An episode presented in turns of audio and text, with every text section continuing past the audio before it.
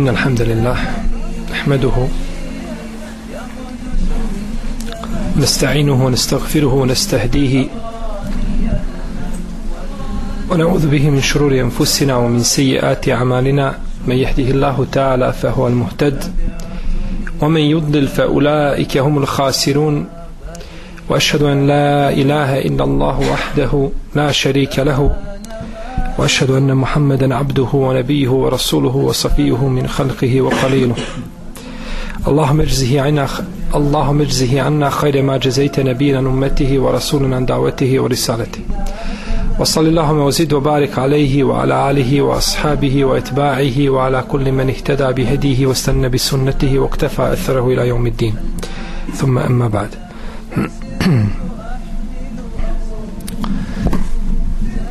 Islamski učenjaci su spominjali u svojim dijelima srce i njegovu ulogu u čovjekovom organizmu i spominjali smo dijela koja čini srce. Pa je jedno od najbitnijih dijela nakon imana odnosno vjerovanja u Allaha te barake o ta'ala koje čini srce jeste et takva a to je bogobojaznost. Pa je bogobojaznost stvar na kojoj sve počinje i na kojoj sve završava. Ako čovjek uspije priuštiti sebi bogobojaznost na ome svijetu priuštio je sebi najveće dobro koje može čovjek imati na ovoj zemlji. I ostvario je željeni cilj. U protivnom ništa nije dobio koliko god imao pa kada čovjek bude bogobojazan biva jedan od Allahovih prijatelja. Ako bude Allahov prijatelj uzvišen i Allah azzawajal učini da ga ljudi vole. U Israelijatima se navodi da je šeitan upitan da li je ikada ikoga zavolio od ljudi a nije pojmljivo da šeitan voli nekoga od ljudi. Pa kada je upitan jesi li koga zavolio rekao je jesam. Zavolio sam Musa alaihissalam zato što uzvišeni Allah kaže wa alqaitu alayka mahabbatan minni wa ala ayni. I ja učinih da te ljudi vole. Pa sam ga kaže zavolio uprkos meni i uprkos tome što nisam htio da ga volim. No međutim na silu sam ga silom prilika sam ga zavolio. Pa takav je čovjek kada je bogobojazan. A uzvišeni Allah te barak je otala spominje tako ili bogobojaznost u Kur'anu na više od 160 mjesta u različitim kontekstima. I obavezao je poslanik sallallahu alejhi ve selleme čovjeka da bude bogobojazan u svim stvarima pa je obavezao čovjeka da bude bogobojazan kad je on u pitanju sam za sebe. Kako je došlo u dva sahiha kod Buhari i kod muslima od Adija ibn Hatima radijallahu anhu da je poslanik sallallahu sallam rekao ittekun nare voleu bi šiqi temre femel nem jeđid febi kelimetin tajibe. Bojte se Allaha bar sa pola datule. Ako ne može naći ni pola datule lijepom riječu značenje hadisa učini paravan između sebe i vatre džehennemske barem da daš koliko je pola datule sadaka. A ako nemaš to onda imaš ono što imaju svi ljudi a to je febikelimetin tajibetin a to je lijepa riječ pa je obavezao kaže itteku itteku nar itteku takva bojite se vatre to jeste napravite paravan između sebe i vatre da vas ne prži sadakom koju ćete udjeliti na Allahom te barake o teala putu. I obavezao je čovjeka da bude bogobojazan kada je u pitanju njegova porodica. Na primjer žena kako je došlo kod muslima u njegovom sahihu od Džabira radijallahu anhu da je poslanik sallallahu alaihi sallam rekao fetteku fetteku Allahe fin nisa fa innekum ahaztumuhunne bi emanillah wastahlaltum furujahunna bi kalimatillah bojte se Allaha kada su u pitanju vaše žene. Vi ste nje uzeli ugovorom koga ste sklopili u ime Allaha? I ohalalili ste njihova stidna mjesta tom riječju. Ili tim ugovorom. Pa se bojite Allaha kada su pitanje vaše žene. Pa je obavezao čovjeka da bude bogobojazan kada su pitanje njegova djeca. Kako je došlo kod Buharije i kod muslima od Ennu'mana ibn Bashira radijallahu anhu da je dao svome sinu Ennu'manu poklon a bio mu je najdraži od sve djece. Pa je došao kod poslanika sallallahu alejhi ve selleme i kaže Allahov poslanice posvjedoči posvjedoči na ovome poklonu.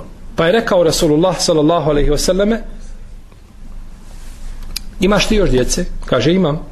Jesi li, kaže, drugima dao istu takvu hediju? Kaže, nisam. Kaže, izheb fe inni la ešhedu ala zur. Kaže, onda idi jer ja neću da svjedočim na nepravdi. Potom je rekao, ittekun lah wa'adilu fi euladikum. Bojte se Allaha i budite pravedni među vašom djecom. Ittekun lah takva. Ittekun lah fi euladikum. Bojte se Allaha po pitanju vaše djece.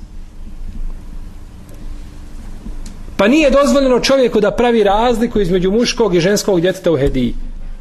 A razlika je u mirasu. U nasljednom pravu. Kada dobija, tada ženska osoba dobija koliko polovina koliko, jeli, ili dvije ženske osobe ili koliko je muška osoba. No međutim u poklonu u hediji nije dozvoljeno praviti razliku. I obavezao je poslanik sallallahu sallam čovjek kada bude bogobojazan kad su u pitanju robovi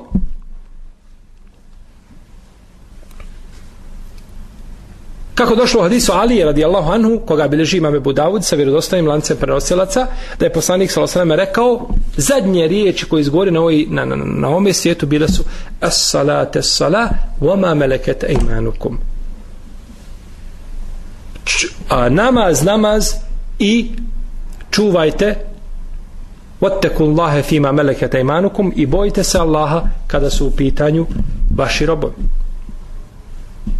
I obavezao je poslanik sallallahu sallam čovjeka da bude bogobojazan kada je u pitanju njegova rodbina.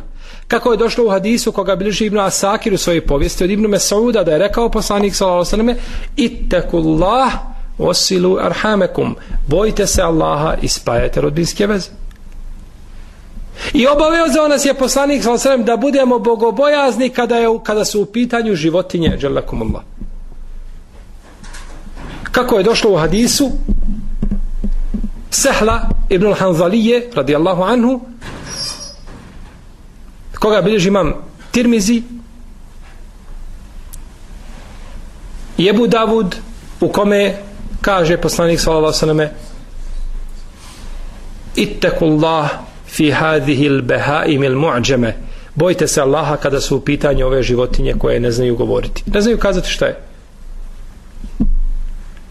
rekao je poslanik sallallahu alejhi čovjeku ensari kako došlo kod Ebu Davuda u njegovom sunenu hadis je ispravan kaže mu أفلا تتقي الله عز وجل في هذه البهيمة التي ملكك الله إياها فإنه شك إلي أنك تجيعه وتدئبه Kaže, zar se ne bojiš Allaha, kaže, kada je u pitanju ova životinja, to je bila deva.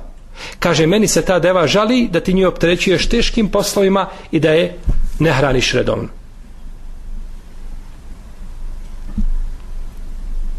Pa nas je obavezao i tu. Obavezano se da budemo bogobojazni kada je u pitanju naš namaz i zekijat. Kako je došlo u hadisu Ebu Umame, koga bileži Tirmizi, hadis je rodostojan, kaže poslanik sallallahu alaihi sallam, ittakullah wa sallu khamsakum wa shahrakum wa eddu zakata emualikum. bojte se Allaha i klanjajte pet vakata namaza i postite mjesec Ramazan i dajte zekat. pa nas je znači obavezao da budemo bogobojazni u svim pitanjima No međutim, braćo, nije lahko doći do toga stepena da čovjek bude bogobojazan. To je stepen za koji treba puno truda. Jer je to blagodat. A do blagodati se ne dolazi uživanjem. Nego se dolazi čime? Trudom i radom. Bilo koja blagodat. Kada bi sebi čovjek uzeo to kao pravilo, mnoge bi mu stvari u životu bile jasnije. Ne dolazi se do uživanja uživanjem. Zapamite ovo pravilo. Do uživanja se ne dolazi uživanjem. Kuća je uživanje, da imaš svoju kuću, jedan sprat, drugi sprat, treći sprat. Nećeš doći sa, do te kuće sa uživanjem. Džennet je uživanje, neš doći do njega sa uživanjem. Da imaš lijepo i odgojeno dijete kad odraste, to je milina, uživaš i gledaš u svoje dijete kao ga lijepo odgojio. Nećeš doći uživanjem do toga, nego trudom i radom i naporom. Auto lijepo je blagodat i uživanje. A neće ti klima raditi u autu i da imaš tamo nekakvih ovaj povlastica i luksuza u autu osim ako dobro platiš. Ako, do, ako znači zaradiš to. Pa do uživanja se ne dolazi uživanjem. E tako je i takva. Takva je najveće i najbolje uživanje da čovjek uživa takvu i da ima takvu. No međutim, do te takve se ne dolazi znači pustim riječima, nego treba čovjeku truda da čisti svoje srce, da čisti svoju dušu da bi došao do toga stepena. Jer ako je ibadet osnovni cilj zbog čega je uzvišen Allah stvorio čovjeka, ha, čovjek je stvoren radi ibadeta. Nije stvoren radi Dunjaluka, nije stvoren radi Švicarske, te radi Evrope, niti radi, nego je stvoren radi čega? Radi ibadeta. A sve što imamo okolo je nama sredstvo. Pa ono što nam je uzvišen je Allah dao od materije, od imetka, to je sredstvo da dođemo do tog ibadeta. Pa ako je ibadet glavna cilj, zbog če, glavni cilj zbog čega je uzvišen je Allah stvorio čovjeka i poslao poslanike i spustio knjige, glavni cilj od tog ibadeta je takva. Što znači da je takva usko vezana uz ibadet, uz iman čovjekovi, ne može se odvojiti nikako od njega. Jer kad se odvoji, onda iman ostaje samo ostaju puste riječi la ilaha illallah koji izgovara danas veliki broj ljudi, no međutim ne znaju šta one znače, niti rade znači shodno tim riječima. Nego onako, samo ih izgovaraju sa jezika, a to nije dovoljno. Stoga je poslanik Salosaleme oporučio ashabima da budu bogobojazni u svim prilikama.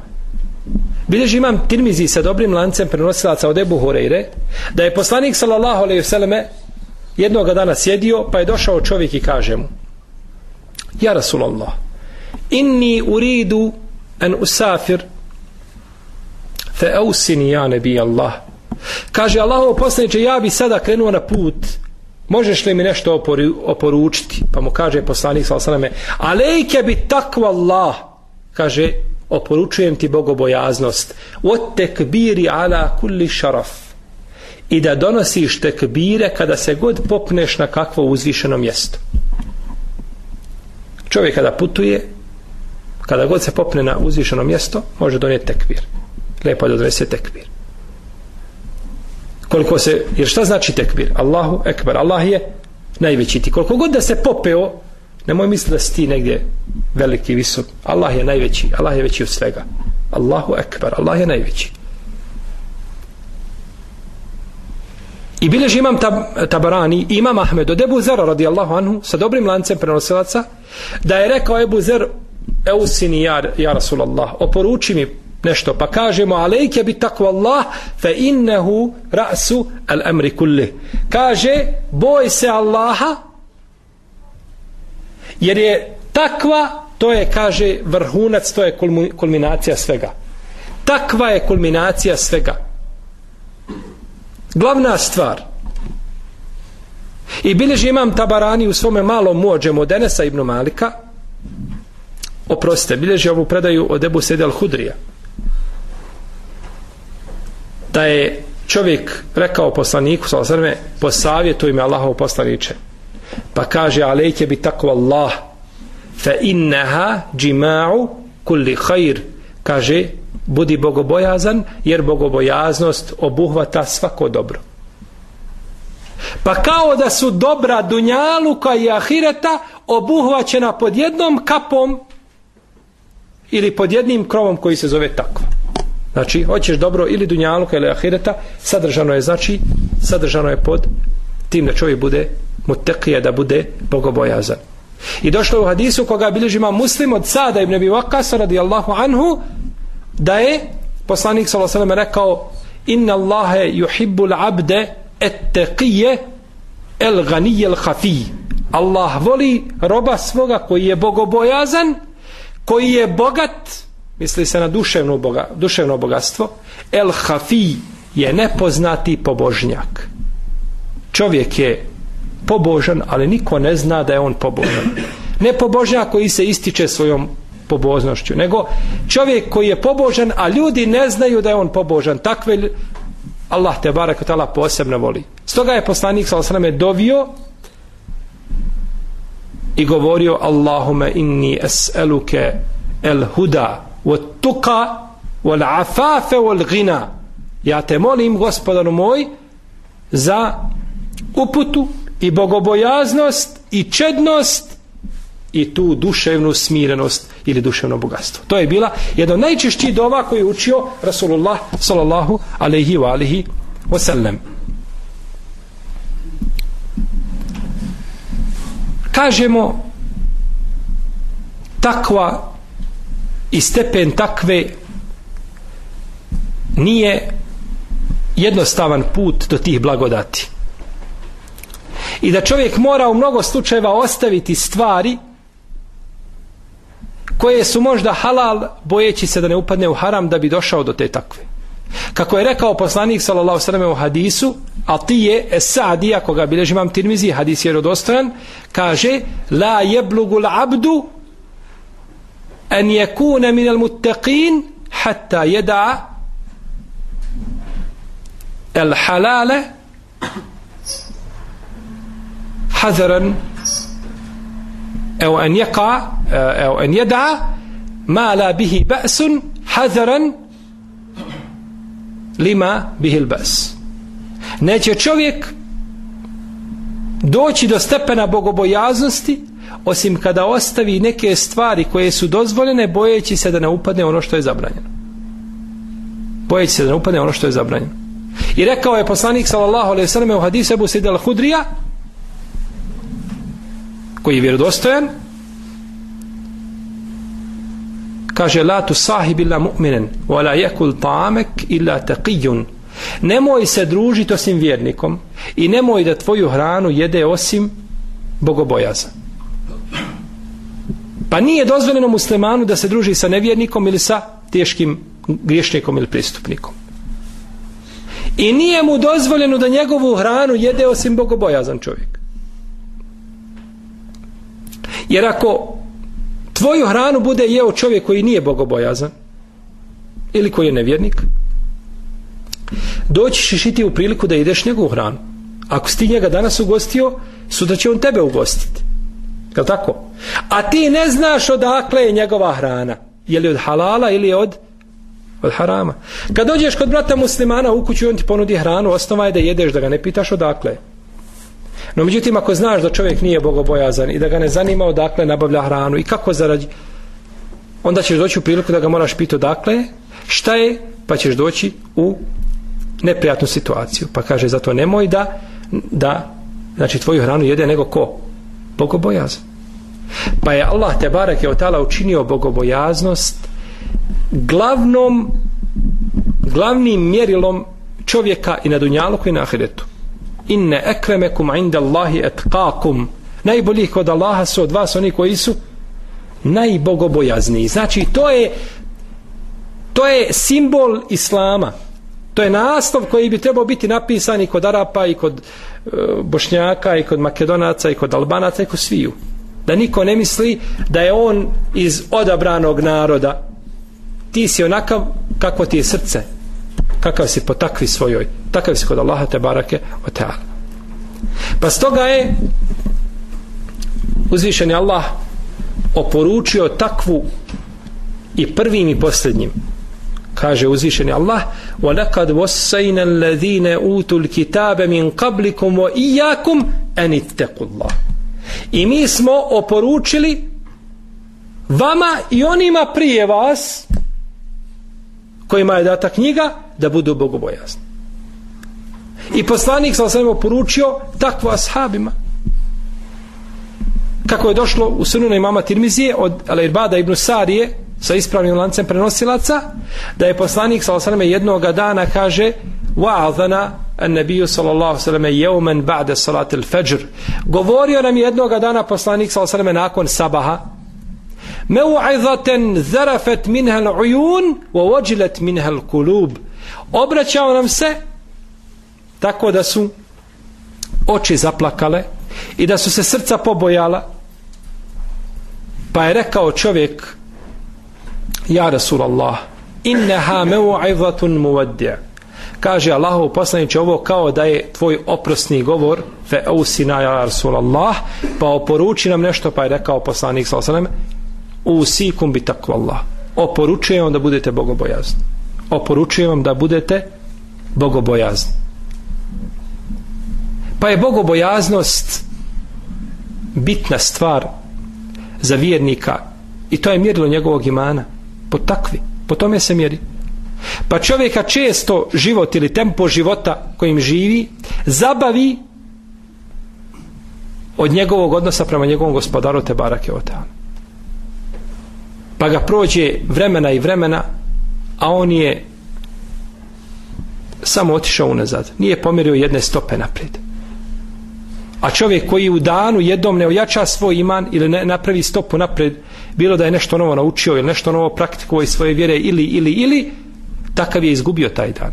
A dan kada prođe nikada mu se više neće vratiti. Pa je stoga obaveza čovjeku kako brine o svome tjelesnom opstanku da hrani svoje tijelo. Isto mu je tako obavezno da hrani svoju dušu jer je ona bitnija od njegovog tijela. Molim Allaha te barake o ta'ala da nas učini od bogobojazni i da nas proživi u društvu bogobojazni sa našim poslanikom sallallahu alaihi wasallame iskrenim dobrim i šehidima a divni su oni društvo. Allahu ta'ala alam. Wa sallallahu ala nebina Muhammed wa ala alihi wa sahabihi ajma'in.